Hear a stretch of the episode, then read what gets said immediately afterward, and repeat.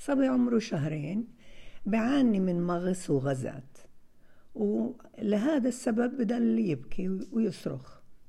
فيوم ورا يوم ارتفعت درجة عصبية الأم وبدل ما إنها تقوم بعلاج الوضع بطريقة التدريب التربوي اللي إحنا هسه بدنا ننبهها إلها وندربها عليها صارت تصرخ عليه نتيجة هذا بتقول إنه لما صار بده ينام صار كل ساعة ينقز يخاف يبلش يصرخ بنام ساعة وبنقز وبطلب بطريقة كيف هي فهمت بطلب شهرين إنه يمسك إيدها.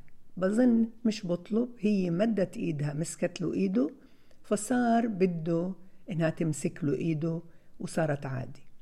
وهي نفسيتها إسا كتير تعبانة وهي عصبية ومش عارفة إيش بدها تعمل. شهرين.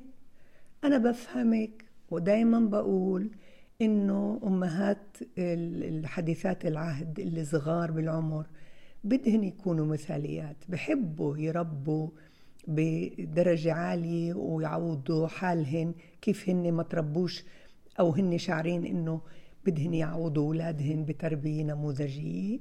لكن ما بشوفوا حالهن ولا هن بفقدوا السيطرة لأنه ما عندهن معرفة. هون شهرين المعرفة تبعتك كتير هوينة وبسيطة.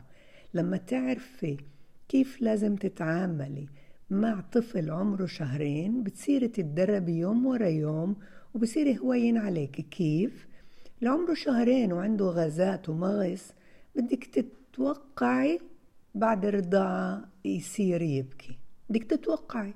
ولما تتوقعي بصير كتير هوين عليكي إنك أنت تتقبلي بكاء وصراخه وتحمليه وتعطيه يتدرع يتدشى زي ما بنقول. وفي نوع من أنواع المعلقة صغيرة من أي أنواع من الصيدلية اللي بوصف لك إياها الطبيب اللي بتخفف آه، صعوبة الغازات والمغص اللي ببطنه. بدك تتذكري إنه لما أنت صرختي هل هذا بيعالجك لو أنت كنت بتعاني هذا؟ تذكري إنه أنت كمان لما معدتك بتكون عندها مغص بتكوني بدك حدا يصرخ عليكي أكيد أنت عم بيوجعك ضميرك. معلش عم بنقز لما بيجي بنام بنقص أكيد هاي الصورة تبعت الصراخ يمكن هي نقزته أو كمان ممكن الغازات قاعدة بتنقزه فكل ساعة بفيق. بدك تتحملي. فترة قصيرة. وبعد ما تلاقي العلاج من طبيب اللي بتعالج المغص بتهون. الآن بهالأثناء بهالأثناء اللي فيها هو عم بعاني تهاليل. التهاليل كتير بتريح. تحطي بطنه عليك حتى يدفى. دفيه بقربة ممكن كمان. معدة المعدة صعب كتير. بقولوا أغلب أوجاع الإنسان إذا المعدة من أصعب ما يمكن. فتفك يعني تذكري هذا عشان ما تطفريش وما تصرخيش عليه وبتقولي صارت نفسيتي تعبانة. بعدك شهرين أم شهرين. تهاليل بعدين أوصفي. أوصفي إنه قديش أنت حلو. أنت تطلع عليه وصفي عينيه وصفي لون بشرته.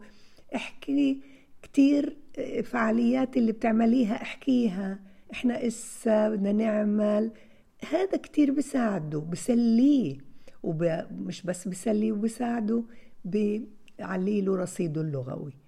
قصص. قبل النوم قصص. وما تعودي ما تريحي حالك بإنك أنت بدك تعوضيه وجع ضميرك فإنك بدك تمسكي له إيده. ما تعوضي. حتى إنه ما يصير يطلب إيدك لأنك مش دايما أنت اللي بدك تكوني جنبه. ممكن تتناوبي أنت وأبوه. وأبوه بيكون رايق وجاي بعد الشغل كمان هو بده يحقق ابوته معه. أهم إشي يسمع صوتك بإنك أنت قاعدة بتعلي له رصيد اللغة اللغوي بأغاني ترقصية بقصة جميلة والفعاليات اللي بتعمليها. ولما يكون يقظ تحمليه لأنه بعده طفل أو بتحطيه بالعربية. تاخديه مشوار قصير على المطبخ على غرفته على الحمام وتوصفي إيش عم بتشوفي. هذا بيسليه بريحه. صوتك كتير بيساعد على إنه يسترخي وما تنسي التهاليل عند النوم.